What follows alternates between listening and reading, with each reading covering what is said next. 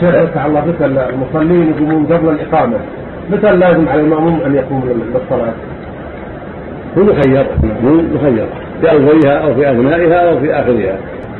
وإذا كان الإمام حاضر أقام لمن بعد رأوه فالسنة أن لا يقوم حتى يروا الإمام. أما إذا كان قد أقبل وشرع المؤذن في الإقامة يقوم من عند أولها وقيمة الصلاة. في أولها أو في أثنائها أو في آخرها. أما قبلها أما قبلها ما أعلم منها أصلا.